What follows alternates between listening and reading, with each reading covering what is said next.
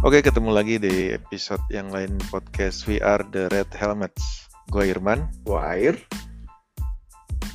Gua empik. Ngomong dong lu. Dan yang paling terakhir adalah Mora. Hey. Mungkin lu gak kelihatan, Mor. Lu bilang Mora juga, itu podcast cuma denger doang, Mora. Iya. Ya. Aku tadi udah Mora, merasa sih iya. diliatin sama Aceh. Jadi hari ini kita ada tamu spesial nih. Panggilnya apa nih? Fikri, Empik, Aceh. Banyak banget alias. Empik aja lah. Iya. Banyak. Iya, Tapi banget. paling enak di lidah itu empik sih. Iya, empik aja lah. Terus lu bisa dia panggil Aceh gimana ceritanya ya? Itu gara-gara orang tua dulu, ya kan? Lagi ngisi stop card di kursi panas. Lagi siapa, dia manggil-manggil. Pik, pikri, pikri, pikri, pikri. Aceng, aceng. Akhirnya nengok kan. Pas nengok, udah. Lebih terkenal Aceng dibanding Fikri. Kan lo tau mas, dulu tuh ada salah satu pejabat yang namanya sama kayak gitu kan, makanya dipanggil Aceng. Pejabat.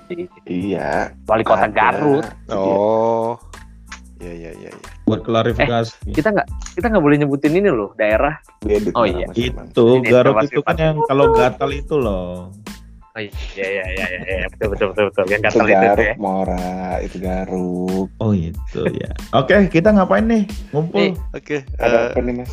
Topik kita kali ini masalah banyak yang nanya juga sih sebenarnya dari orang-orang ketiga itu masalah APD alat pelindung diri. Kayaknya dua tahun belakangan istilah APD itu udah mulai dikenal masyarakat. Itu salah satu positifnya pandemi ada satu istilah HSE yang lumayan merakyat itu APD. Tapi apaan sih APD itu sebenarnya? Terus emang pelindung diri itu apa emang itu gitu yang dilihat orang tuh kayak baju, terus sarung tangan, helm. Terus sebelum kita menentukan APD itu kan ada ada tahapan apa aja itu kan yang kita cerita-cerita lah kita diskusi. Gimana, Mas? Setuju Eh, mas, setuju. Karena banyak juga pengalaman gitu ya di lapangan orang-orang mengasumsikan APD itu menjadi sebuah pengendalian bahaya yang paling paten jadinya gitu ya. Gara-gara ya ketika mereka mau melakukan pekerjaan yang terbersit di pikiran mereka yang pertama kali jadinya ya APD gitu, bukan cara yang lain. Itu patut untuk dibicarakan itu di tengah-tengah para senior kita ini. Apalagi tamu spesial kita dari Bekasi, Empik. Woi.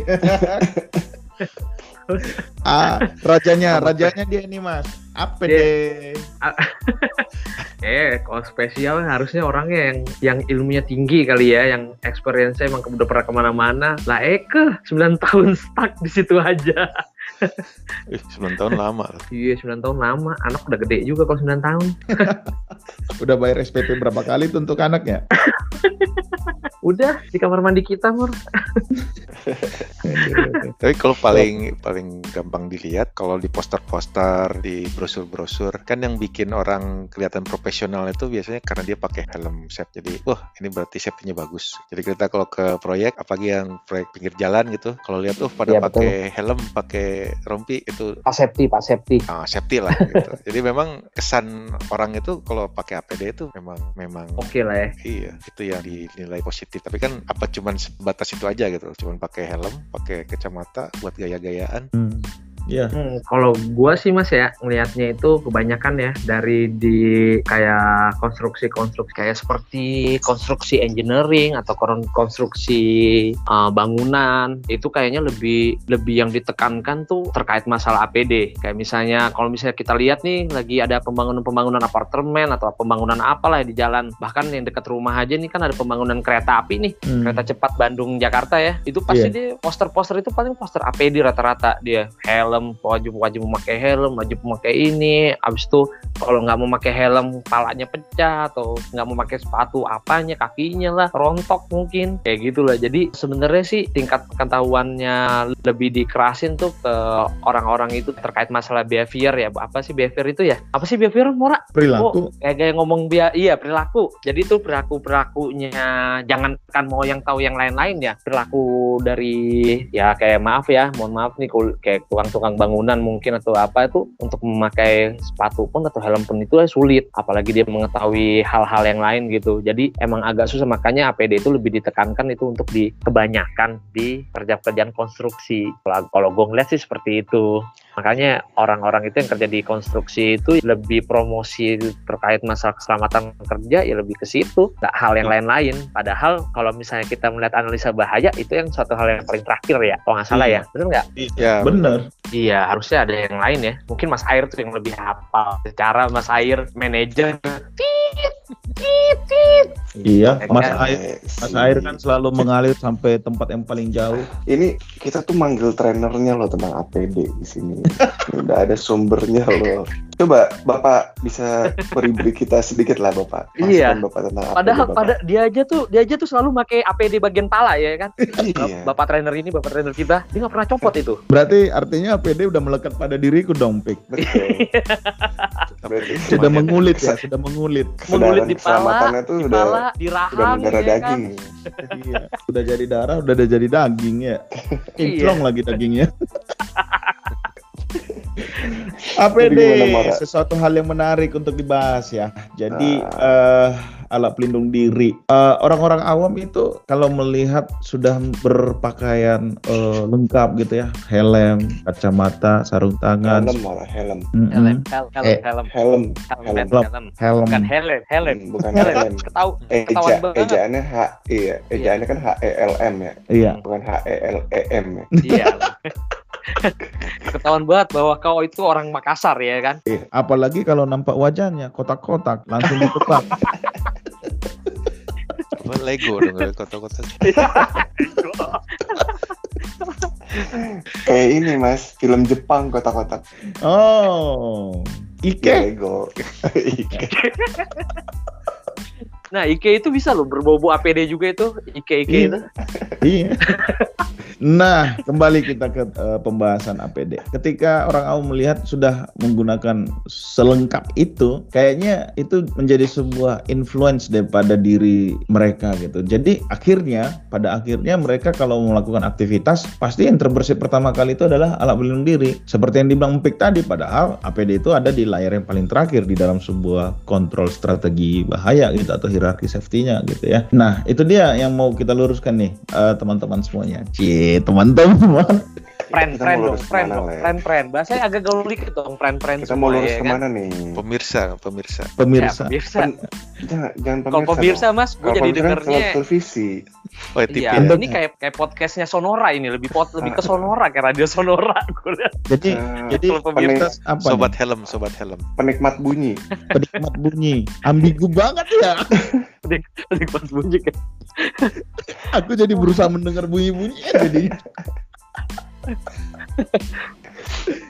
Apalah Sobat nanti lah, helm. coba dipikirkan itu. Ah, jadi ya seperti itulah ya ah, mindset gitu tertanam pada diri orang. APD itu yang menjadi sebuah hal yang utama yang harus disediakan jadinya. Apakah segitu pentingnya APD jadinya pada zaman sekarang gitu? Padahal kan ya kita sama-sama tahu lah udah sering kali me- memberikan sebuah campaign gitu ya bahwasanya APD itu ya ada karena memang di berada di layar terakhir. Udah nggak ada cara yang lain gitu ya cara penggunaan cara memilih atau cara menggunakan APD itu karena sudah nggak ada cara yang lain nggak sih? Benar nggak sih teman-teman? Iya. Ya kurang lebih seperti itulah. Mm-mm. Oh, Nggak ada cara yang lain atau atau alat suatu alat yang benar-benar terakhir kali ya. Terakhir kali yang bisa menyelamatkan Itu yang lain-lain di atas Ada tukang itu kayaknya. Bang roti bang bandrek satu bang bandrek satu bang. Sorry sorry sorry. Biasa ya kan Artinya yang yang ini kayaknya tuh yang lau-lau ya kalau yang pakai. iya iya Iya, yang lau. iya iya yang bener punya bener itu. Bang. Yang lalu punya. Pik, beli apa Pik? Kasihan Pik jam segini masih ngiter. iya. Padahal udah sengaja jam segini loh. Udah beli di Indomaret Ir Ini, ini bapaknya kok nggak keluar, biasanya jam segini keluar. Iya, Udah nyiapin jadi roti. teriak-teriakin depan. Roti lau itu. nah itu dia. itu dia. Jadi mindset itu kayaknya para sobat helm uh, perlu meluruskan hal ini. Jadi supaya nggak terikut-ikut dengan kondisi zaman sekarang gitu ya. Eh, yang yang mempunyai mindset ketika kita pakai APD sudah pasti aman. Jadinya kan gitu. Seolah-olah mereka pakai APD udah pasti aman kerjaan gitu. Padahal enggak kan gitu. Kita nggak bisa menghilangkan sebuah potensi bahaya pada saat kita beraktivitas. Dan kita sama-sama tahu APD itu hanya hanya hanya bertugas untuk meminimalisir potensi itu gitu ya. Bukan menjamin sebuah keselamatan. Nah mindset itu yang perlu kita luruskan para sobat helm di mana pun para anda berada. Ada ada ada backsound ya Iya kan? Ini Apa itu?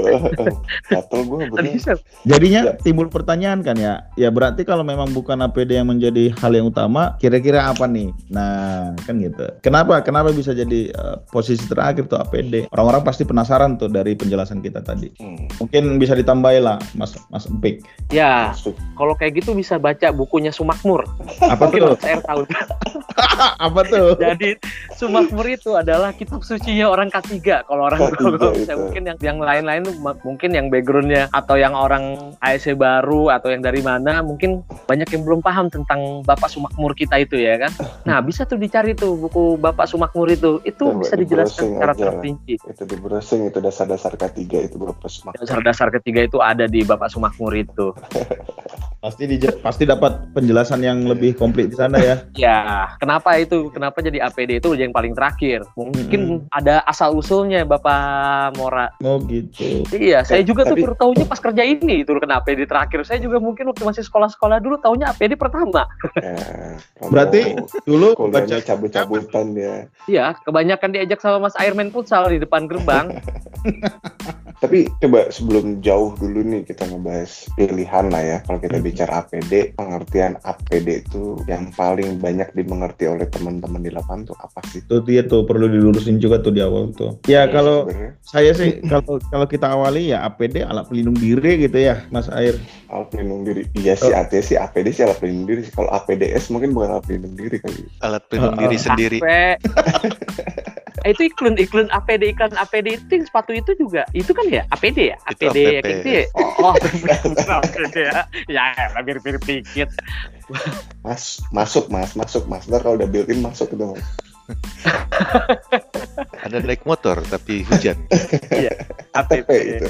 iya APP ya Iya. kurang lebih lah ya kan alat pelindung diri gitu. mungkin mungkin kalau misalnya tadi dibahas sama kayak si Mora bilang ya ataupun Pik bilang ya pokoknya yang paling banyak diketahui itu APD APD APD mungkin itu yang paling simple yang paling kelihatan kali ya yang nggak rumit yang kalau dari level kita pekerja yang bisa diimplementasikan secara langsung makanya itu kenapa familiar banget dan wah banyak lah semua pokoknya APD dulu APD dulu APD dulu mungkin aja karena memang dia mudah untuk di, diberikan mudah untuk dipakai mudah untuk diperoleh dan dan pe- bisa lulus lulus CSMS Ya. Lulus ya, salah. satunya dan usahanya tuh kayaknya yang paling mudah yaitu APD Iya. Ya. kalau bagi para level pekerja kan kayaknya nggak mau ribet ya mau lebih praktis dan yang lebih mudah dan APD itu salah satu pilihan yang paling tidak ribet yang paling tidak banyak menghabiskan banyak waktu tinggal dibeli tinggal dipakai. Selama memang pemakaiannya juga benar terus standar APD yang dipakai juga benar. Mungkin itu ya menyebabkan kenapa APD lebih banyak dikenal oleh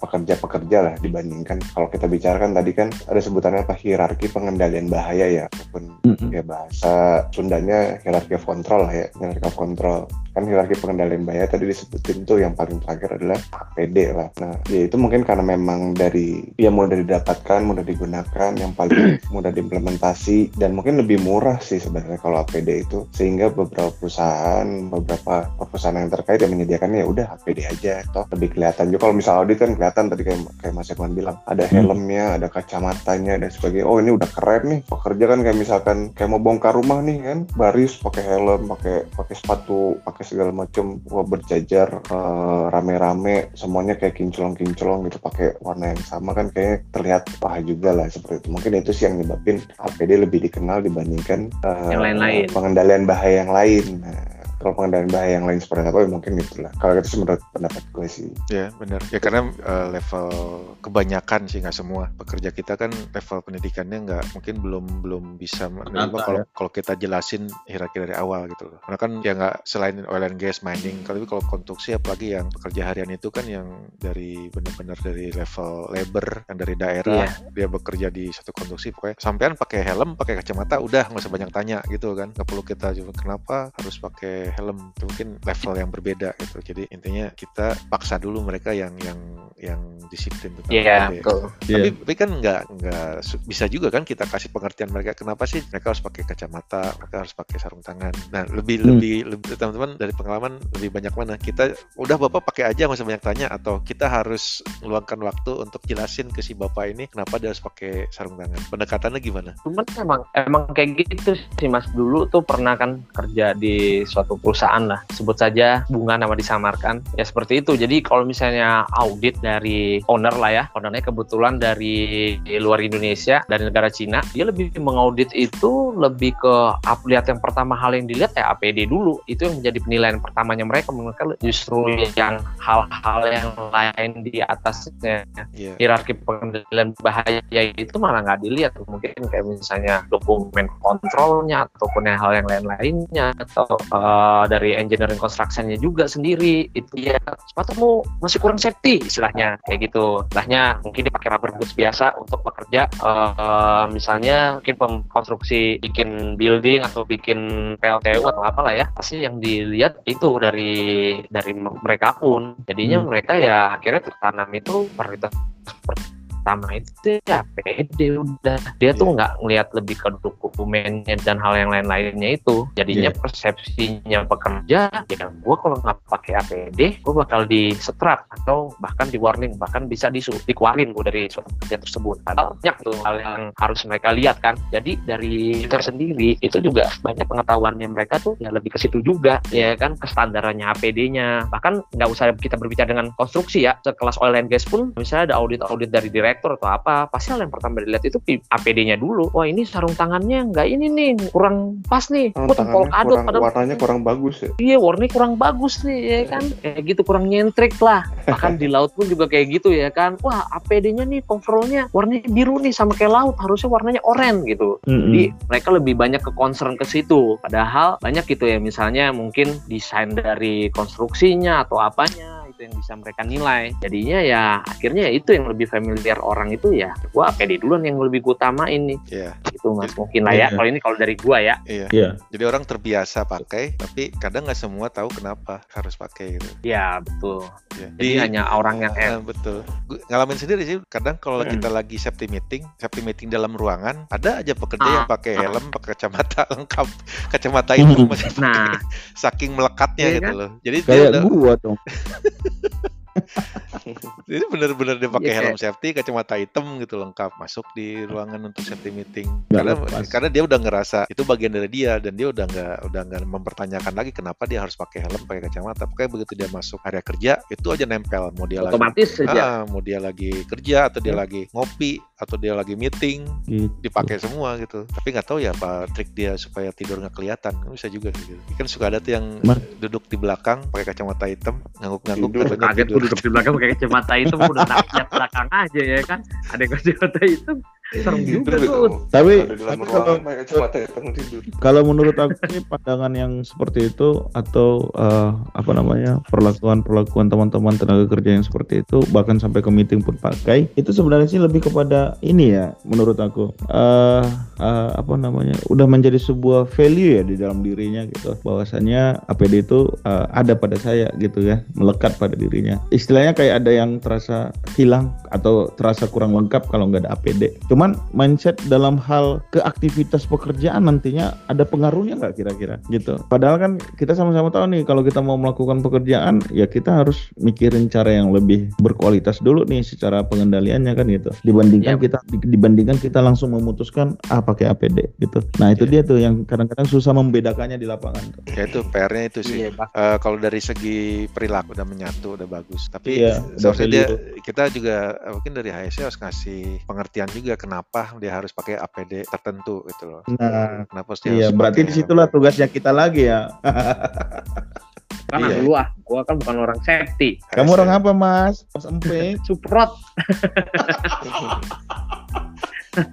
I'm a suprot. Ya seperti itulah kira-kira iya kalau misalkan dibilang ya kan APD itu kan salah satu pilihan ya tadi pengendalian bahaya ya. Tapi Hmm. memang sebenarnya concernnya dititik beratkan itu sebenarnya bukan segala-galanya APD ya kan. Ya, APD salah satu tapi bukan segalanya kalau untuk Iya. mengendalikan bahaya. Ya memang itu PR sih PR buat para red helmet lah ya Hmm. untuk bisa memberikan pengertian, bisa memberikan training, edukasi lagi pembelajaran kepada semua level. Sebenarnya semua level ya, semua level bukan Iya, betul, level dari level. pekerja, bukan level pekerjanya aja, tetapi level supervisinya, Top manajemennya level juga. top manajemennya juga. Iya. Jadi memang Iya, betul. perubahan pola pikirnya itu jadi harus dirubahnya dari dari semua level jadi betul. supaya mereka juga nggak melihatnya hanya oke kita ada pekerjaan ini beresiko dan kita cara mengendalikannya ya udah kita pakai APD cukup nah seperti itu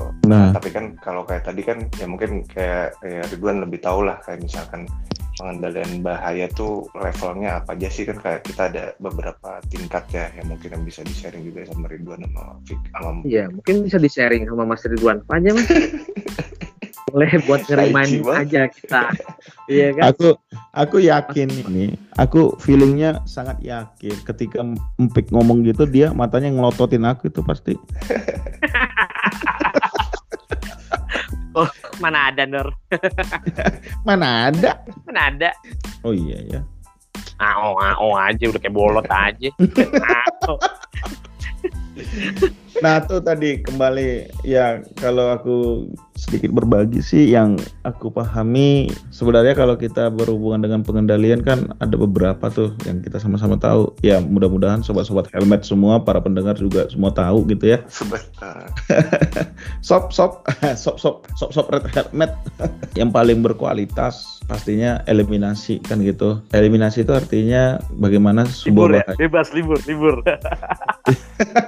Eliminasi kan berarti pulang Fik bawa koper pulang. Kalau aku sering bilang gini nih, kalau masalah eliminasi ini aku Ya, sering bilang sama sama peserta. Lihat bukan, bukan. Sama peserta itu aku sering bilang eliminasi. Ya, contohnya begini, kita-kita masuk ke wilayah kerja, katakanlah konstruksi atau mungkin oil and gas pengolahan gitu ya kan. Yang yang bahaya itu apa tuh? Ya, bekerja di pengolahan itu, bekerja di konstruksi itu, bekerja di tambang itu. Nah, terus eliminasi itu ya udah hilangin aja tuh semua pengolahan. Terus kita kerja apa dong? Ya udah gak usah kerja, pulang ke rumah pakai sarung. Bahkan kalau misalnya lo kerja di laut, eliminasi itu yang paling mujarab buat coffee coffee break, iya kan? Iya. Kayak misalnya lagi pengangkatan ya kan, tiba-tiba wind speed mungkin bisa 19-20 knot. Kan itu Hmm. pasti stop stop stop stop stop. Berarti kan kita Stop. mengeliminasi ya kan pekerjaan itu. Nah, senang itu hidup Pak Safety, hidup Pak Safety. Mereka nunggu-nunggu tuh dari radio itu mana Iya. nih, mana nih orang Iya safety. betul. Mana nih orang safety ini? Tapi tapi jangan salah loh, eliminasi itu biasanya berpasangan dengan substitusi. Ya, betul. Aku, aku aku sering bilang eliminasi dan substitusi itu adalah the couple gitu ya, the couple of hierarchy gitu. Kalau kita eh, kalau kita mencoba-coba untuk ngilangin sebuah bahaya dan risiko ya gantinya apa gitu loh untuk bisa melakukan pekerjaan dan menghasilkan aktivitas itu yang Iya. sangat produktif gitu. Itu yang paling paling susah itu, karena orang harus mikir. Iya, orang mikir, mikirnya banyak lagi sampai botak kan, botak Biasa di- depan, botak belakang. Dia pikir dia pintar kan gitu. Dibalikin lagi, dibalikin lagi kan. Dia pikir dia pinter, katanya dia botak karena salah pakai sampo.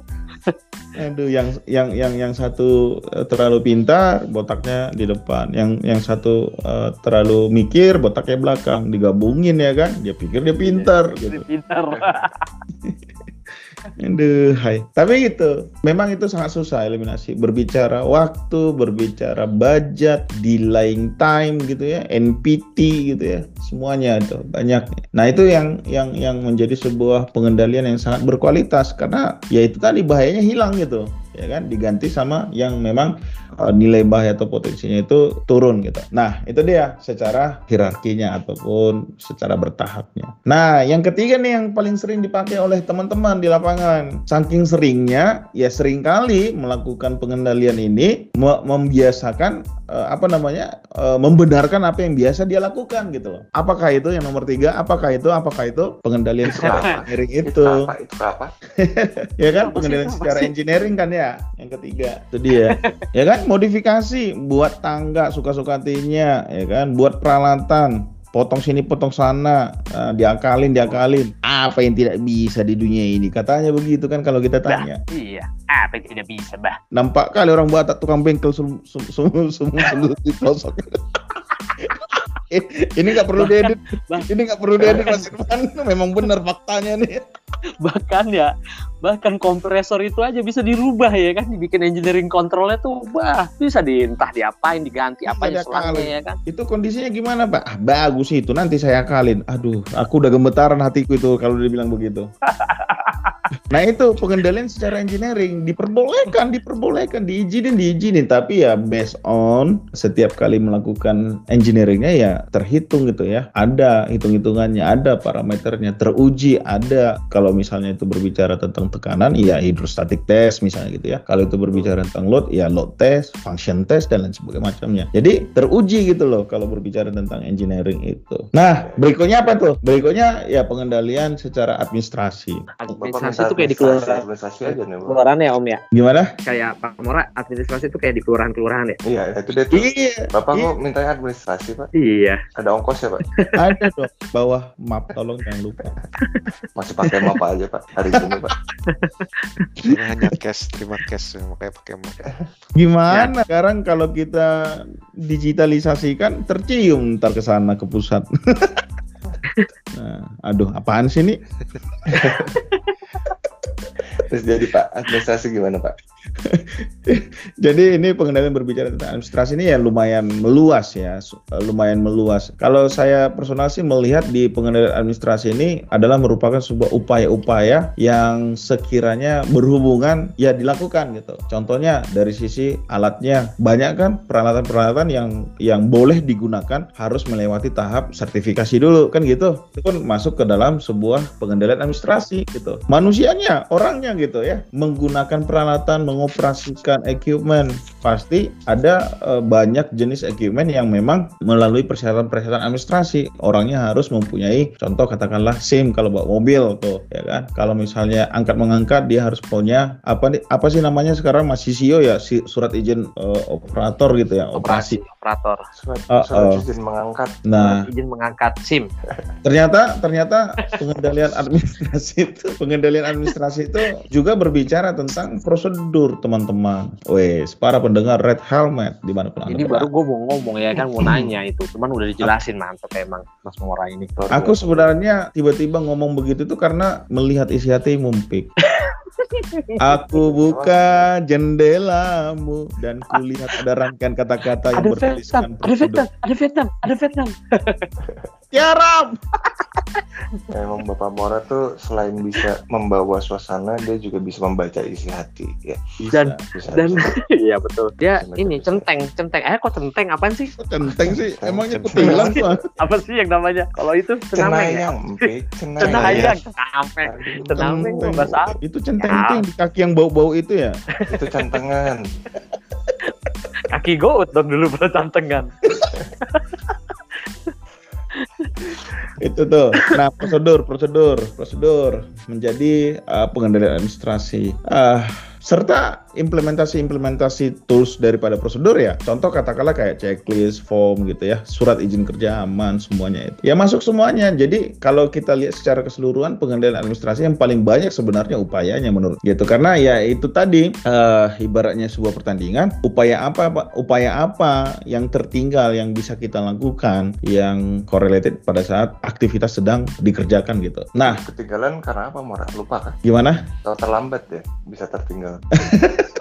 Lama ya, bangun dia. Telat bangun dia. Telat karena Vietnam itu tadi. Iya, iya, iya. Gitu. Udah. Jadi kan dilihat tuh secara keseluruhan sebenarnya kalau kita apa namanya kalau kita berusaha untuk memahami layar daripada alat pelindung diri itu. Sampai administrasi dilihat tuh semuanya. Oh, ternyata masih ada nih bahaya gitu. Oh, ternyata masih ada nih. Gimana nih sisa risikonya nih masih masih masih ada gitu. Kita nggak tahu nih levelnya low kah, medium, high gitu kan. Terus gimana dong udah nggak ada cara yang lain kan gitu. Eliminasi substitusi udah dipikirin tuh bakalan nggak bisa tuh dilakukan. Engineering ya, sudah semaksimalnya kita buat. Yang berputar dikasih cover gitu ya, yang listriknya sudah diperbaiki contohnya gitu ya. Nah administrasinya dari orang peralatan prosesnya sudah diberikan tuh secara administrasi. Iya. Nah udah berarti ya mau nggak mau kita menggunakan layer yang paling terakhir yaitu alat pelindung diri. Kalau misalnya pun kena bisa meminimalisir daripada dampak uh, potensi bahaya itu. Benar kan ya teman-teman? Ini takutnya pada tidur semua nih jadi ini. Enggak bener kok itu. Iya. Ya bener padahal baru tahu ya kan. Ya, jadi tapi kalau misalnya ada pertanyaan gini nih buat Uno. Sebenarnya kalau misalkan dari kayak tadi si hierarki pengendalian bahaya itu kalau dibilang efektif mana sih yang lebih efektif? Nah, kalau dibilang paling efektif pasti adalah layar yang paling pertama kalau soal berbicara yang paling efektif efektif dari keseluruhan jenis layar pengendalian bahaya yaitu eliminasi. Kalau berbicara tentang paling efektifnya itu Berarti yang paling atas ya, paling atas yang paling efektif. paling efektif untuk menghilangkan bahaya tersebut. Mm-mm. Tapi tapi gini loh, keefektifan daripada sebuah pengendalian bahaya menurut saya personal nih mungkin bisa diperbaiki. Tidak serta merta langsung bisa kita terapkan. Pasti tentu berpikir kepada spesifik needs kita kan dalam hal penggunaannya. Misalnya ada sebuah aktivitas bahayanya gravitasi gitu. Bagaimana nih? Ya, katanya kan paling efektif eliminasi. Ya udah, kita eliminasi aja nggak nggak kayak gitu juga kan. Pasti ada pertimbangan-pertimbangan dalam hal penggunaannya kan ya Mas ya. Iya, kayak paling effort yang paling besar makin tinggi harus makin banyak yang dipertimbangkan. Iya betul, karena makin meluas pertimbangangannya. Eh, gue jadi ingat dulu pernah sosialisasi tentang hierarki. Jadi waktu itu kegiatannya ini manual handling, angkat yang berat-berat. Jadi kalau kita mengangkat uh, barang yang berat, pertama adalah eliminasi. Jadi apa yang kita lakukan? Tidak melakukan. Jadi menyuruh orang lain. Bener juga sih. Itu itu Itu itu, bagus. pinter Eliminasi. itu. itu bagus, itu bagus. Setuju saya. Iya. Udah, udah kayak ini aja ya, cara ngangkat gas, tabung gas LPG yang aman secara ergonomi katanya. Gimana tuh? Cara Ya caranya adalah dengan menegakkan badan lurus gitu ya, supaya jangan ergonomi kena gitu kan. Terus tangannya dilemaskan, telapak tangannya gemulai, panggil orang. Hai kamu bantuin dong sini. Cin, Cin. Bantuin dong, Cin. itu kayak ingat temen gue satu kamar dulu kayak gitu Waktu juga kita karena TV dulu sama itu kah? iya jadi karena TV-nya kebetulan nggak ada remote dan masih kecil banget Mm-mm. ya akhirnya dia nyuruh pakai pakai bacot ya kan Mm-mm. orang lain yang suruh mindahin mirip Apa, lah voice comment ya. voice comment yoi itu dengan kekuatan congor Efektif sih, lu lu nya kan mau kan? Eh, Justru dia sebenarnya minta gantinya itu dia. bukan gua bukan gua ya kan kebetulan ada junior lagi ya kan yang paling kecil kan? nah itulah disuruh sama Nah. yang bapak manajer yang udah jadi bos sekarang Yang yang, yang udah makin gemuk itu ya. Soalnya udah ditenggorokan nih, pengen diluahkan nanti nggak enak. Tapi kalau misalkan dibilang kalau dari segi cost ya, kalau dari segi Ah. cost lah, Heeh. kalau dari segi biaya yang dikeluarkan, apakah semakin awal si pengendalian bayi itu apakah semakin besar cost yang dikeluarkan? Semakin awal pengendalian Ya. bahaya itu semakin besar cost. Nggak Ya mesti sih. melihat betul kalau Iya. aku sih lebih kepada melihat pengendalian yang mana dulu nih, pasti ke situ dulu. Iya. Pengendalian yang mana dulu yang Ya, diputuskan untuk digunakan, baru nanti berbicara eh, sebelum cost, sebelum finalnya adalah cost gitu ya, berbicara tentang ya pertimbangan kita memilih cara untuk atau upaya kita untuk mengendalikan bahaya itu. Karena belum tentu begitu kita terapkan justru lebih mahal. Mm-mm. Ya contohnya misalkan kita Hmm. mau apa ganti atap gitu, Eh, hitung-hitungan berapa orang yang naik, berapa APD-nya, berapa pasang eh, lanyard hukuk segala macam, berapa hari. Nah eliminasinya kita sewa aja manlip, mungkin lebih Udah. mahal tapi lebih cepat. Iya. Nah hitung-hitungan kan just bisa bisa jadi pakai manlip lebih murah gitu kan ya. Tapi ya harus ada yang assess gitu loh. Iya, Tapi bisa juga sih lebih mahal. Gitu. pertimbangannya itu faktor tuh pertimbangannya ya komparasinya ke mana ya bagaimana caranya manusia itu bisa terlindungi gitu ya tenaga kerjanya gitu Eh, kalau bisa ya bukan dia gitu kalau kalau ada alat yang bisa digunakan ya pakai alat contohnya kayak saya waktu masa-masa jadi eh, pekerja di lapangan gitu ya yang yang tempat-tempat lain bekerja itu harus masuk ke dalam sebuah tangki untuk membersihkan tangki gitu ya di tempat kita nggak perlu masuk orang ke dalam tangki dalam melakukan pembersihan tangki gitu seperti itu Ya tangkinya dibalik. bukan dong pikir drum itu tangki ini nih balik-balik aja ajaran dari mana? Tumpah dong bang. Cuman Kamu juga kalau di- spesifik Mora. Kalau di tempatnya mungkin Mas Air atau Mas Irman sendiri ada nggak sih suatu pekerjaan yang emang dieliminasi dari apa tempat kerjanya di masing-masing? Kalau Mora kan ya nggak rata ya udah tinggal duduk aja dia ngoceh aja kalau sekarang. Kalau dari Mas Air ataupun dia mah baik congor aja udah. Dibayar Kalau masih dibayar karena congor ya. bayar karena congor. Ya, tempat gue ya salah satu kebijakannya adalah kita nggak diizinkan bekerja di kondisi yang live. Jadi misalkan ada peralatan bertegangan, nah itu sama sekali nggak Yang boleh. live. Iya. Oh, Tegangan Ya, tegangan ya, emang lu sumber sumbernya kan ada Berhidup. sumber pekerjaannya kan listrik nih. Nah, berarti Hmm. kan berhubungan sama listrik kalau masih remah. Eh, apa kalau pakai aktivitasnya. oh itu maksudnya. Jadinya, itu jadi- kalau Mas Irman. Jadi Mas. Irman apa Mas Air sih? Mirip suaranya ya. Iya. Oh jadi itu tadi tempatnya siapa? Tempatnya Mas Irman, tempat saya air itu. ya setahu gue kerja listrik sih Mas Irman. Mur lu jangan tawa-tawa Mur. Iya, itu kan eliminasi eliminasi ya dan itu lumayan maksudnya effortnya lumayan lebih besar karena kalau kita pemadaman sekarang PLN aja satu jam mati Iya. lampu kan efeknya tuh berantai gitu loh. Terus ya atau yang lebih kecil misalkan di pabrik gitu mati mati listrik selama setengah jam itu udah udah mempengaruhi Efeknya gede lah ya. Iya, efeknya ke cost segala macem gitu dan harus cari backup segala macam. Tapi komitmen perusahaan ya nggak bisa kita nggak nggak bisa membandingkan keselamatan beberapa orang dengan Ah. kepentingan yang luas gitu. Jadi istilahnya salah satu prasyaratnya untuk tepatnya Mas Irman itu bekerja yang yang sifatnya energi yang hidup gitu lah ya dalam artian listrik. Jadi emang benar-benar harus di shutdown semuanya. Dia nggak mau tahu kalau nggak ada saat kalau nggak di shutdown. Intinya dia nggak mau kerja aja istilahnya kayak gitu ya Mas lah ya Iya, rasanya. iya. Meskipun Hmm. eh, untuk skenario bekerja di kondisi yang hidup tuh ada ada. APD-nya apa dan tapi Ya kan pasti pasti jauh pasti. lebih apa persiapannya jauh jauh lebih besar lebih Iya, iya, lebih benar. effortnya jadi Karena- APD-nya segala macam karena kita nggak tahu ya wa- walaupun Dapat dapat dapatnya gede nggak mas? kenapa Dapatnya gede nggak dengan effort yang besar itu? dapat apanya Duitnya. Ini kalau guys guys mau tahu ya, cek guys guys mau tahu, udah guys pakai S ya kan. Jadi. Mas Irman ini mungkin kerjanya di ini ya berbau-bau kelistrikan ya. Mas Irman kayak nggak cocok kerja di air ya. Kayak gitu mungkin ya Mas Irman ya. kerja dia ya Karena di ai- karena di air udah ada air. ya Kalau di tempatnya Mas Air sendiri gimana? itu tadi kan pertanyaan Ridwan. Aduh, hai. Oh, Gue oh, iya, iya. nyambung nyambungin semuanya ini. Aduh, hai. Iya iya iya iya. iya.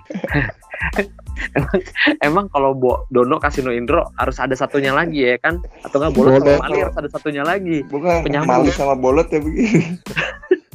Lagian Mora tiba-tiba ngomongin masalah eliminasi digomongin duit. Dapat yang gede.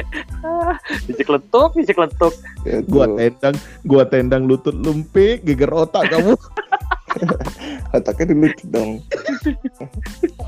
Kadang-kadang sih emang. Ya, udah itu ya Mas Irman. Aduh. Hah? Pas Irman udah sedih dia tuh. Masih masuk. Kayaknya gue besok mau undang Dian aja deh ya kan lebih adem kata Mas Firman dibanding congok-congok ini ya kan ngomong isi mundar mandir mundar mandir aja. eh dia Ya, itu host ini kan kita sharing ya. Hah? dia tuh host hitungannya Oh iya iya benar benar benar benar. Ini gue jadi kayak jadi hostnya gini ya. jadi itu jadi itu ini namanya mor taktik merebut pelan-pelan ya kan sistem Belanda. Napas. Itu itu lu yang harus pelajari Bapak Aku Mora. Aku cek saturasi oksigen dulu ah. sekalian tensi ya. Aduh. Aduh. Aduh. Kalau Mas Air, Mas Air sendiri ada nggak sih Mas Air? Ya, gue kayak ini kayak mata najwa ya kan. Mas Air sendiri ada nggak sih Mas Air di tempatnya Mas Air mungkin? Mor diem lu Mor, namanya usaha ya kan. Oke, oke, oke, oke. Oke juga dia, oke juga dia, Cok. Boleh, boleh, boleh. Itu Kalau keren lah, itu itunya keren gue Ir. iya, itu bagus, bagus, bagus. Pik. Hmm. Lo harusnya pasti di interview kayak gitu dong. Udah, gue kalah sama orang dalam terus gue interview itu mulu udah permasalahan gue. Setelah gue cari tahu cari tahu, Jadi Aku lu- tahu jawabannya sekarang, Empik. Ah. Aku tahu jawabannya. Kenapa lu interview nggak lewat-lewat dari kemarin? kenapa? Ternyata bakat lu itu bukan sebagai orang yang diinterview, lu yang interview orang. lebih banyak nanyanya ya Dan jangan-jangan lo tuh satu setengah jam itu bukan lo yang ditanya pik waktu itu pik. Lu nanyain. Enggak, Ampun Belanda. ah ini udah sampai mana tadi kita bahas ini?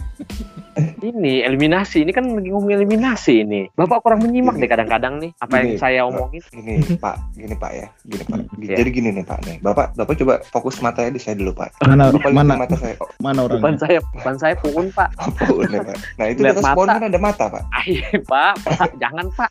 Nunggunya serem-serem di sini. gue masuk nih, gue masuk nih. Ah, Lagi sebelah gimana, rumah kebun kan. Oh iya iya. Ya gini, nggak usah nggak usah jauh-jauh lah ke industri mana pun juga. Kalau kita bicara ini deh apa sih pengendalian bahaya tadi kan untuk meminimalisirkan resiko itu kan nggak cukup pakai satu Iya. eh, metode ya. Pasti Hmm. dibutuh kombinasi lah, dibutuhkan kombinasi untuk menurunkan resiko dari suatu bahaya. Kan tujuannya itu ya. Nah, makanya ada layer-layer tadi disebutin lah, mau layer pakai yang eliminasi, mau Hmm. pakai substitusi, administrasi, eh, engineering control, administrasi ataupun APD. Nah, biasanya kan kita kan menentukan beberapa metode lah, beberapa layer itu kita kita tentukan, oke, bahayanya A, resikonya B, kita tentukan pengendaliannya, misalkan tiga pengendalian itu kita pakai dari lima pengendalian yang ada, lalu lah tingkat resikonya turun. Kebanyakan itu kan kita menurunkan tingkat resiko itu biasanya tuh kita kenal ada yang namanya ini, kalau sebutannya alarp ya, as Hmm. low Arab, Arab. As alarp, as low as Alarp, reasonable and practicable. Mm-mm. Biasanya itu sampai ini ke ujung situ kan. Ini ini yang suka nih. Iya Mas. Biasanya Em. sampai ke ujung situ kan, sampai seminimal mungkin lah yang kita bisa tolerir lah batasnya. Karena kan Iya. setiap perusahaan kan pasti punya standarnya sendiri. Sampai sejauh mana sih kita mau menentukan barrier kita nih? Misalkan kalau misalnya kita mau bekerja dengan menggunakan uh, welding ya, uh, welding misalkan uh, pengelasan, ya kan harus sampai sejauh mana nih kita harus menentukan kalau pekerjaan ini nih sudah aman dengan tingkat kebutuhan seperti yang kita butuhin. Kalau misalnya weldingnya dengan welding yang standar, apakah dengan APD sudah cukup? Apakah dengan ditambah si administrasi tadi kalau Ridwan tadi udah ngejelasin entah itu kompetensinya misalkan pelatihan dari weldernya, terus prosedur weldingnya, eh, tata cara gimana caranya untuk eh, melakukan pengelasan secara aman, SOP-nya kah, SWI-nya kah, dan sebagainya, misalkan administrasi dan APD kan kalau eliminasi nggak bisa substitusi eh, nggak bisa engineering control. Gimana caranya supaya pengelasan itu lebih aman jadi lebih ke arah ke situnya. Dan kalau misalnya dibilang bisa nggak sih kita kita menggunakan eliminasi dengan biaya yang misalkan nggak begitu besar? Mungkin aja bisa mungkin aja bisa. Tetapi kan semua pengendalian yang kita tentukan pasti bakal ada ada ada akibatnya lah ada impactnya lah kayak misalkan kayak Mas Irman tadi kalau bekerja di ketinggian kita harus naik-naik. Kalau misalnya kita pakai main lift nih eh, impactnya ke apa? Pasti kan ke kos pasti akan lebih tinggi. Tapi pasti akan lebih aman dibandingin kita nyuruh pekerja naik-naik kayak kayak cicak nih misal dia dia merambat dan sebagainya. Walaupun ada APD ya Hmm. kan? Walaupun ada APD dia manjat ke mana-mana tetapi kan pasti ada masih kemungkinan kalau dia tidak berdiri di tempat yang memang tepat misalkan platform yang tepat kayak misal cuma berdiri di atas tube kah atau di atas pipa di atas eh, beam kah kan pasti ada kemungkinan resikonya terpleset dan masih ada kemungkinan terjadinya kecelakaan. Nah kalau dengan ada main lift berarti kan ada impactnya nih ke kos. Nah jadi memang itu tergantung dari risk assessment-nya lah kalau kita bilang kan Iya. eh, penilaian resikonya seperti sejauh mana sampai ke tingkat alarm. Iya. contoh yang lain misalkan kayak bekerja di ketinggian. Kayak misalkan kita mau kita mau masang satu frame eh, structure lah ya. Satu structure setelah kita pasang structure kita rangkai misalkan di atas ketinggian habis itu kita mau cat nih kita mau cat nah tapi kan kita bisa ber ya bisa itulah me- menentukan misalkan daripada kita kerja dua kali bekerja di ketinggian misalkan ada tim yang memasang structure ada tim yang ngecat di atas ketinggian. Kenapa nggak kita kerjanya di bawah semua nih? Kita kurangin bekerja ketinggian kan? Mm-mm. Kita rangkai di bawah, kita sekali angkat, kita taruh, eh, kita taruh, kita install, udah nggak usah ngecat lagi karena ngecatnya udah di bawah. Maksudnya itu bisa jadi menghilangkan bekerja di ketinggian untuk pengecatan misalkan, ataupun mengurangi banyaknya orang yang bekerja di ketinggian atau waktunya bekerja di ketinggian. Tapi pasti ada impact lain lain.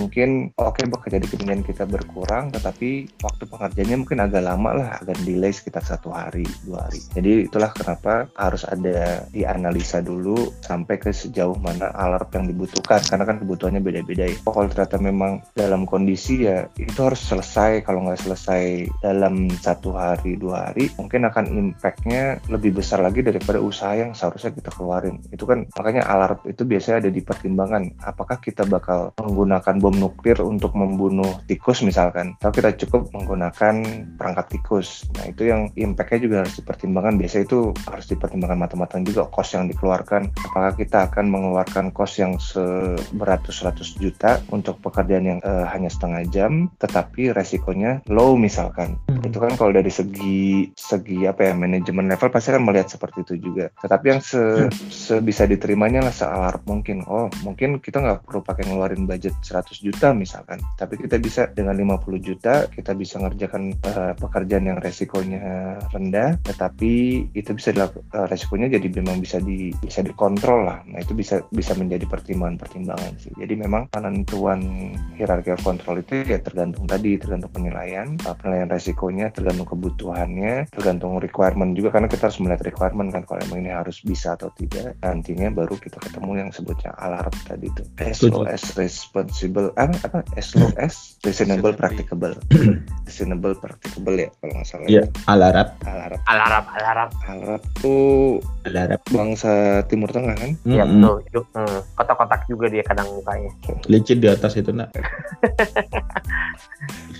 Iya, gue setuju sih, pastilah seperti itu. Ya itu tadi yang aku bilang spesifik spesifik needs istilahnya kan, uh, dengan melakukan risk assessment supaya ya alarm tadi bisa terrealisasi ya seperti itu. Nah. Itu dia. Ya, eh Jadi kalau balik lagi ke tema ya, jadi kan sebenarnya nggak nggak nggak sekonyong-konyong langsung APD kan. Hmm, Nah, cuman berarti butuh support bukan dari HSE aja, tapi dari pengawas, manajemen untuk mewujudkan tadi yang dijelasin tadi, yang ada hierarki yang di atas. mm-mm. Cuman kan ya balik lagi, walaupun mungkin nggak dari cost mungkin tidak selalu lebih besar, tapi itu butuh effort. Effortnya ya perlu pemikiran, kita perlu analisa, assessment segala macam dan masih banyak nggak semua sih, tapi masih banyak yang orang itu ingin shortcut aja, pengen cepat. Apa pun pekerjaannya, helm, pakai helm, kacamata, sepatu safety, ya gitu. Jadi kadang ya orang ambil simpelnya aja. hmm. Padahal dari APD Iya. sendiri pun nggak nggak bisa disamain kan, maksudnya helm juga macem-macem jenis helmnya, kacamata juga macem-macem jenis. Iya. kacamatanya, sepatu safety pun macem-macem. Macam-macam iya. Dan Tergantung- dan ada peruntukannya kan. tergantung kualitasnya pula kan kualitas Makanya kualitas ya. Harga nggak bohong ya kan. mana ya harga nggak bohong lah ya Tapi tapi kalau kita lihat tapi ada juga harga yang bohong sih pik satu Jadi ingat aja. Gue baru nyambung nyambung. Cuman kan dipotong tiga ratus ribu mas. buat ganti sol Kamu lagi-lagi gue jual. ada tuh masih ada tuh mau gue jual lagi ya? Mau beli nggak? Satu udah diganti solnya tuh Domelin gue sama anak gue. Coba gue pindah dulu ya kan. Ya, tapi memang eh, tantangannya itu sih misalnya tadi Mas Irman bilang sama Mora bilang ya memang tidak semuanya itu eh, selalu APD tetapi ada ada beberapa tahapan lagi sebelum menentukan APD sehingga ya kita bisa menurunkan ya level resikonya sih lebih serendah serendah rendahnya sih sampai tahap yang memang bisa diterima lah kalau alarm itu kan karena kan Iya. semua aktivitas pekerjaan kan pasti beresiko ya. Betul, setuju. ya kan semuanya pasti beresiko bukan berarti pekerjaan itu tidak bisa dilakukan pekerjaan semua pekerjaan bisa dilakukan selama resikonya bisa kita kendalikan Iya. ya Iya. kalau yang ditambang main bahan peledak kalau nggak boleh ya wah mereka pakai petasan ceplik doang yang kecil yang cabai rawit mungkin nah itu kelarnya mungkin Freeport kalau pakai itu sampai ratusan tahun ke depan belum kelar kelar itu Perusahaannya yang rugi. kalau pakai petasan Giris ceplik aja ya enggak. ataupun di tambang-tambang mana lah misalkan ya tapi supaya yang pasti kan semua bisa dilakukan asalkan eh, bahaya atau resikonya bisa dikendalikan Betul. Ya dan Ya. orang orang juga mengerti kenapa dia harus APD itu. gitu. Hmm. Jadi nggak nggak cuma Betul. sekedar. Karena kalau misalkan orang cuman tahu oh saya harus pakai APD, jadinya malah fashion gitu. Orang kan Iya, gagah gitu. Betul. Wah dia kerja di mana Betul. pakai helm, sepatu, safety. Akhirnya dia malah saya nggak mau kalau sepatu safety-nya bukan merek anu. Ah, Wah itu pernah pernah tuh kejadian kayak gitu tuh. Iya. ya kan? ada lah Yang- ada iya. Sama yang pernah harga bohong itu. yang banyak. Ah iya. Yang pernah harga bohong.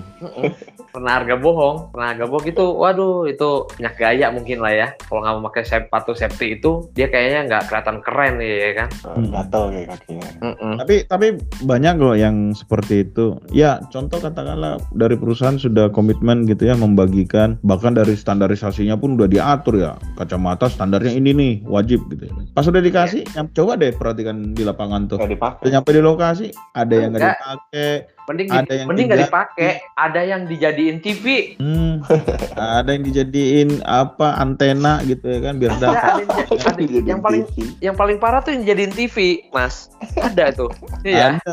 Iya. jadi mengumpulkan semua APD ya kan jadiin TV Ya berarti harus TV berkebun dulu kan, kebun TV sayur. Changhong kebun- 21 in Iya ada yang seperti itu. Makanya tadi aku setuju yang dibilang Mas Irman. APD ini ya bisa bisa bisa alarap tadi seperti yang dibilang Mas Air ya harus bekerja sama juga dengan eh, departemen-departemen yang lain yang terkait. Karena ternyata ada loh ternyata pertimbangan dalam pemilihan alat pelindung diri. Tadi udah disinggung tuh. Helm aja banyak jenisnya gitu ya untuk kelistrikan, kelas apa, kelas apa gitu ya kan. Untuk dikonstruksi bentuknya gimana gimana gitu ya. Seperti itu. Iya. Jadi ya melalui pertimbangan-pertimbangan itu harapannya ya lebih tepat gitu ya. Terus ada juga orang memilih alat pelindung diri itu terfokus kepada spek gitu ya. Spek yang dia suka gitu. Apalagi kalau udah berbicara brand gitu ya kan. Jadi udah udah agak melipir sebenarnya mindset orang. melipir Mm-mm. iya betul betul betul Padahal kan kalau kita memilih sebuah alat pelindung diri, ya pertimbangannya kan harus kita ikuti. Misalnya berfokus kepada aktivitasnya, bahayanya apa aja tuh di situ ya kan, sehingga kita bisa memilih untuk berbicara jenisnya. Yang Betul. pertama, kalau misalnya bahaya ketinggian, ya kita pilih dong untuk pencegah jatuh gitu ya kan. Masa bahaya ketinggian kita pilih eh, eh, SCBA gitu kan nggak nyambung kan gitu. atau enggak seperti ini misalnya bekerja ketinggian uh, dia pakai safety belt kalau dulu ya kan Iya, ada dulu namanya safety belt. Akhirnya ah udah pakai safety belt aja. Padahal safety belt itu malah resikonya malah makin tambah parah gitu. Jadi APD yang yang bisa bisa apa malah nyerang diri kita sendiri bukan nyelamatin kita gitu karena atau minimal Tapi banyak loh kejadian di lapangan, termasuk ya ini sebagai salah satu contoh aktivitas pemboran gitu ya, aktivitas pemboran. Orang naik turun, orang naik turun menara itu gitu ya, apakah sudah sesuai atau enggak gitu. Nah itu yang kadang-kadang orang salah gitu. Aktivitasnya vertikal atau horizontal kalau berbicara tentang ketinggian. Dari situ kan kita udah ketahuan, udah bisa memilih gitu. Oh untuk pencegah jatuh, penangkap jatuh untuk aktivitas ketinggian, aktivitas itu horizontal tuh gerakannya kiri kanan kiri kanan gitu ya kan atau dia naik turun naik turun kayak orang-orang di pemboran itu. Nah, sehingga dari situ kan kita bisa mempertimbangkan jenis daripada alat pelindung diri yang di- eh, dibutuhkan sebenarnya ya, bukan yang diinginkan kan gitu. Iya. Ke- kacamata aja, kacamata safety yang biasa kan bentuknya jelek tuh kotak Mm-mm. yang kayak apa? Yang kayak Google gitu. Ya kan Iya, mereka maunya yang model kayak sporty, iya, yang yang sipit-sipit gitu modelnya. iya. Tapi nggak nggak nggak nggak semuanya ngerti bahwa itu tuh harus safety sebenarnya. Itu ya itulah. Belum lagi kalau berbicara tentang kemampuan alat pelindung itu di alat pelindung diri itu sendiri gitu ya alatnya gitu. Jadi banyak sih sebenarnya pertimbangan-pertimbangan. Cuman cuman kadang-kadang yang menjadi sebuah cerita lucu gitu ya ada juga kejadian dipertimbangan dipertimbangkan nih semua jenis alat pelindung diri terkait aktivitasnya gitu ya. Tiba-tiba di di step akhir kalau sudah berbicara tentang harga hmm, itu jadi berubah semua iya. Banyak kayak gitu. Iya yang iya. udah-udah seperti itu hampir semua. Yang seharusnya faktor harga dipikirin terakhir karena dilihat nolnya banyak gitu ya jadinya ya faktor harga jadi nomor satu jadinya ya kan? Iya iya. Betul itu. Ya itulah ininya orang HSE bisa bantu gitu. Jadi dia ngajuin tuh jangan merek tapi spek. betul. Makanya saya senang dulu tuh Mas Air yang waktu kita barengan ya kan? Sebelum menentukan apa apakah itu berbicara alat pelindung diri kah eh, berbicara tentang proses kerjanya kah kita sering melakukan apa itu namanya Mas kayak gap-gap Ah. analisis gitu ya iya iya Mm-mm. Jadi ya dapat tuh kebutuhannya eh, pada akhirnya kan yang memang dibutuhkan gitu loh. apa dulu namanya PP PPE need analysis ya apa nih itu ya kalau nggak salah ya Iya, iya benar. Terus Iya. ada teman kita ya kan, cepat itu murah kerjakan katanya. Ya udah, cepat yang penting selesai dulu katanya kan creation lah ya kan. Iya. Enggak, itu gara-gara terbulai terbuai dengan site yang ada di di daerah Handil sana. Jadinya akhirnya terbuatlah itu creation itu. Aduh, melipir. Ya. Iya, Seperti itulah kira-kira. Iya. Ya, ya memang sih ya itu dan sebenarnya tantangan sebagai red helmet ya mungkin untuk memberikan pengetahuan ya ya itu tadi di semua level terkait dengan semua mungkin semua hierarki pengendalian bahayanya itu harus harus dipahami lah jadi Mm-mm. untuk menentukannya jadinya mereka bisa tahu oh si eliminasi ini dipakainya pas un- untuk apa kenapa harus dipakai pertimbangannya apa eliminasi kayak gimana substitusi yang kita harapkan kan itu bisa dimengerti oleh semua level ya. Dan sedangkan tantangan kita kan jangankan level yang tadi yang pertama ke satu kedua ketiga keempat yang level terakhir pun APD itu PR-nya juga masih banyak kan untuk Betul. ngajarin orang. Ya mungkin kalau sekarang agak lebih sudah menerima kali ya orang-orang oh udah harus pakai helm udah harus pakai kacamata udah pakai harus pakai sepatu Eh, tinggal gimana menentukan. Yang tadi misalkan ada yang maunya sekarang maunya ah saya maunya yang modelnya kayak gini model A B C D ya tinggal di ya kita harus memberikan pemahaman juga kalau dulu tuh pernah tuh eh, gua itu ada pekerjaan penggalian tanah tapi borongan Hmm. Nah, persyaratannya ya minimal harus ada sepatu boots, sarung tangan dan sebagainya. Nyerah tuh mereka, mundurin diri. Kenapa? Ya nggak mau karena nggak biasa Anjir. pakai APD. Oh. Enggak, mereka nggak mau padahal udah disediain, disuruh Oh. pakai sama mereka nggak mau Ya, dipakai. itu itu juga pernah juga tuh. Jadi emang ya di pekerjaan-pekerjaan yang sifatnya kayak kayak gitu penggalian apa kayak mereka udah biasa pakai sendal mungkin ya Iya. karena workernya itu dia biasa pakai sendal. Ah, gue pakai sendal aja. Sebenarnya aja gue gak ada masalah kok selama ini gitu. Iya. Dia bilang habis itu ketika harus pakai sepatu dia panas. Jangankan sepatu yang ada besinya ya, atau rubber boots ya, yang biasanya ada besinya. Dipakai sepatu karet yang biasa aja dia udah ngerasa gerah gitu. Akhirnya Iya. di- kalau banyak dulu tuh suka dipotong-potong akhirnya setengah kayak model ah, sendal sepatu slope gitu tau nggak jadi Iya. itu sepatu boot dipotong bawahnya akhirnya Iya. model slope gitu iya akhirnya ya nggak sesuai dengan fungsinya Ya kalau sekarang sudah masih lebih, ya nggak tahu ya, mungkin udah lebih terbiasa sih mungkin. Kayak misalnya kalau kita lihat kan, mungkin ada pergeseran ya kalau dari budaya keselamatan dari yang entah 10-15 tahun yang lalu dengan sekarang. Contohnya kayak misalkan proyek-proyek di pinggir jalan dan sebagainya. Kalau dulu kan kita lihat kayak masih, wah scaffoldingnya berantakan, nggak ada rambu-rambu dan sebagainya. Kalau sekarang kan kayaknya udah sudah ada Iya, perubahan lah. Scaffoldingnya udah bagus, sudah rapi, ada jaring-jaring, ada rambu-rambu, pemisah dan sebagainya. Walaupun memang masih banyak yang harus diimprove, tapi memang udah ada perubahan budaya keselamatan lah yang memang harus terus di di Tingkatkan. ya ditingkatkan lah dari dari para red helmet red helmet ini lah. Iya. Betul. Ya kan kalau kita kan dikit lagi pensiun ya. Nah. Ah, belum belum laku banget sih usaha jadi jam pensiun dulu Tunggu dapat pasarnya ya. iya Apalagi sekarang pasarnya pasar digital ya. Pensiun di Iya. di waktu muda pik biar bisa mulai menikmati dengan keluarga pik. udah semua ir itu udah semua iya kan udah semua kita coba dicoba kita usahain Udah kan nanti kita usahanya usaha sawah aja udah. Usaha Sawah di mana? Usaha rumah petak kos-kosan kampus, khusus asrama putri itu enak tuh. cocok gitu deh Bapak Makassar kosnya kayak dia cuma pakai sarung doang kan. Nongkrong di situ burung doang ya? Padahal- burung ya Padahal pemikiran gua, padahal pemikiran gua begini loh, karena lebih bersih gitu loh. Mana ada kosan putri lebih bersih? Bersih lah. Kata siapa Enggak. kamu? Ke siapa Siapa itu yang udah punya kosan putri itu? Tanya. siapa Ah? si Irman Aduh. Tapi by the way, aku tadi tertarik tuh yang dibilang Mas Air. Ya eh, apa risk ah assessment kamu itu. tertarik sama aku? Ah, apa? Ike. Tuh, eh cuman ada jadi note juga loh banyak jadi kalau gua suka melihat sih ya kayak misalnya risk assessment kayak gitu atau tool tool risk assessment ataupun JS atau apa itu kan banyak diserahin sama ke HSE-nya tuh iya kan jadi HSE pure HSE yang ngerjain cuman kalau dari dari percakapan percakapan kita kan harus sebaiknya ya me- melibatkan dari berbagai pihak orang-orang yang mungkin terlibat produk eh, pekerjaan tersebut atau orang engineering yang lebih ngerti. Jadinya akhirnya ada input dan pembuatan risk assessment itu ya. Nah Iya. akhirnya kadang-kadang juga suka melihat juga tuh. Jadi tuh penilaian hierarki pengendalian bahaya tuh malah APD juga kadang-kadang di depan di atas. Habis itu mungkin yang ininya di bawah. Nah itu jadi jadi itu juga tuh jadi poin juga tuh mungkin Iya. poin-poin buat pren-pren red helmet lah ya Iya, supaya bisa dipastiin kan. Tapi Iya. itu tadi, itu tadi tuh hubungannya Pik. Waktu kita tadi bahas masalah ya mindset itu ya. Kenapa Iya, sih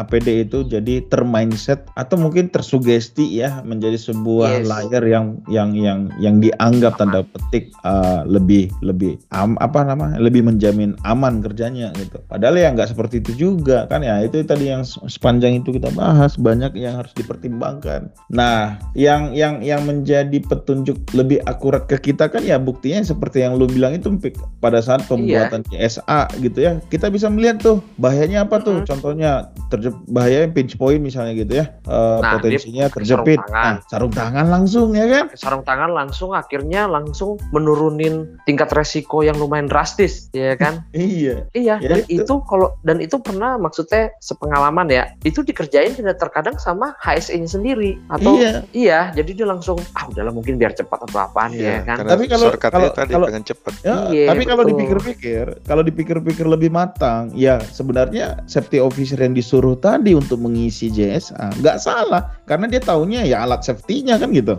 Nah, jadi mungkin tambahannya perlu juga kali ya dari friend-friend Red Helmet itu uh, knowledge-nya itu lebih diinin lagi ya. Jadi Iya. kadang-kadang kadang-kadang mungkin ya bukannya meng-underestimate ya untuk uh, safety-safety yang mungkin yang di mana gitu. Jadi sharing itu perlu ya mungkin ya sesama-sama yang orang experience. Jadi jadi itu dia benar-benar bisa uh, ada gambaran tambahan-tambahan kayak seperti Mas Air bilang, Mas Mora bilang juga ya kan. Uh, Rajin-rajin ini aja, rajin-rajin dengar podcast kita aja sih sebenarnya. Nah itu dia, elah friend, friend. Itu masuk tujuan. Ya pokoknya dikomenin aja dah dikomenin tuh apa sih ininya kendalanya ya kita bahas nanti di sini ya kan. Iya, nanti dibantu su sama lo ya kan. Iya. Mau, Iya mau lu buat mau buatin apa? CSMS ayo tinggal hitung-hitungan aja. Pokoknya bisa kok. Tenang aja. Ada ada Mas Mora di sini. Iya, Semua keluhan akan ditampung. Pokoknya Anda puas saya senang. tuh. Wah, Bukan ada puas Bukan. lemas. Ini ke mana sih arahnya jadinya nih? Kok, kok jauh banget melenceng? ya, tapi kan itu memang benar lah, memang benar sih. Itu jadi eh, di tempat tempat kerja saya yang sudah pernah lalu-lalu gitu ya, banyak-banyak daerah yang kita coba datangin gitu dari barat sampai ke timur sana kan tapi kayaknya merata mindset itu gitu dan memang temuan yang paling banyak aku temukan selama observasi pelaku pembuatan JSA teman-teman red helmet gitu Kalau nah aku mulai Iya, yang sering kali timbul misunderstanding dalam pengisian. Ya bukannya kenapa-kenapa gitu ya. Memang sih selalu banyak jawaban yang aku temukan itu supaya cepat, paralel dilakukan. Nah itu kan sebenarnya ya. sebagai ini doang ya. Cuman gini loh, kalau kita diperhadapkan ada terjadi kerugian gitu ya, apalagi ada orang yang cedera kan gitu. Eviden yang paling konkret yang bisa dilihat untuk menginvestigasi coba mana? Ya dokumen kan gitu. Nah itu Ya. yang sebenarnya teman-teman di lapangan ya harus mampu memastikan ya, mengassurance gitu ya. Jadi kangen posisi lama. Jangan, jangan, jangan. Gajinya kecil sekarang. Ini kan jadi support aja, jadi support masih lumayan. Oh iya. Nah. gitu. Misalnya tadi berarti kan ada ada koneksi nih antara tadi hierarki pengendalian bahaya dengan JSA tadi sebagai tools ya. Nah, JSA berarti juga memainkan peranan penting nih untuk menentukan pengendalian bahaya, ya kan? Yes. Nah, mau detailnya apa tentang JSA ya tunggu ya podcast berikutnya. Yeah. Ya, Eko. lagi dia. Trailer, trailer. Aduh, tapi asik loh. Cuman ini aja sih, kalau saya pribadi secara personal kan kasihan lihat teman-teman red helmet di lapangan tergerus gitu ya. Kenapa? Mereka kan baru ya satu tahun, dua tiga tahun gitu ya dari sekolah langsung kerja. Di di disugestiin kadang saya lihat dari teman-teman departemen lain. Mohon maaf nih karena banyak terjadi juga seperti itu. Ya, sehingga pada saat mereka mereka mereka si pelaku pekerjaan mau melakukan aktivitas, si red helmet ini langsung inisiatif sendiri tuh. Oh iya, mereka mau kerja, saya buatin dulu nih jasanya. Jadi Yes. jadi jadi job description-nya gitu, ya kan? Banyak yang kayak gitu. Hanya yang kayak gitu, pasti. Mm. Nah itu kita saksikan di episode yang akan datang. Nah berbicara tentang alat pelindung diri ini, kita sampai mana tadi? Sebenarnya udah banyak tentang alat pelindung diri nih yang dibahas ini. Udah maksudnya udah emang bener-bener lumayan kali ya, udah detail juga kali ya. Nah, Harusnya. betul. Harusnya ya Sampai mudah-mudahan kepada aja nih. Itu tadi ya, sampai kepada pertimbangan-pertimbangan dalam pemilihan APD tadi kita bahas ya, berbicara Iya, soal betul. harga juga ya. Harga harusnya udah ada gambaran kali ya buat brand-brand di luar sana ya. Iya. Jadi eh, mungkin bisa jadi masukan kali ya buat orang-orang di sana ya, yang terutama yang dengar podcast ini ya kan Mas, ya kan Mas.